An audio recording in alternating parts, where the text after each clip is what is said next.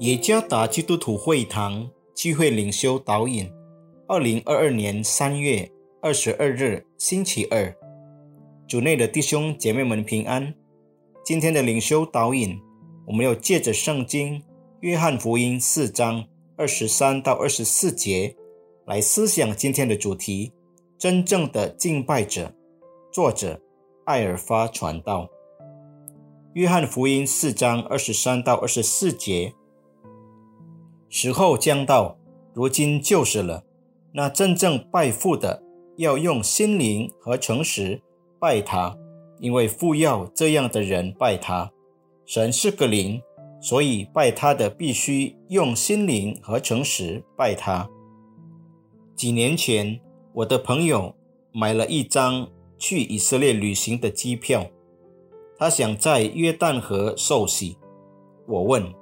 你这样做的理由是什么？他回答说：“只是确定更好，就像耶稣在约旦河里受洗一样。”我不知道我朋友在想什么。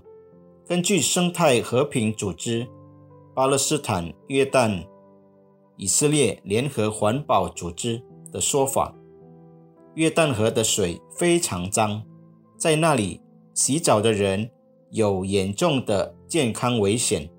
那里的河水含有粪便大肠菌，存在于粪便中和大量农业废物，在约旦受洗当然不是最好的选择。本来想要成为圣洁，反而会引起疥疮。许多人认为在一个特定的地方举行仪式是最好的选择，这种观点。自古以来就很普遍，无论是以色列人和撒玛利亚人，都有敬拜的圣地。约翰福音四章二十节，他们相信有些特定的地方是作为崇拜真主神的。如果你不在那个地方敬拜，敬拜就变得毫无意义。但耶稣驳斥了这种信仰，他说：“时候将到。”如今就是了。那真正拜父的，要用心灵和诚实拜他，因为父要这样的人拜他。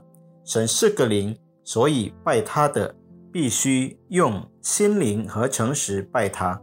二十三到二十四节，用心灵和诚实敬拜是什么意思？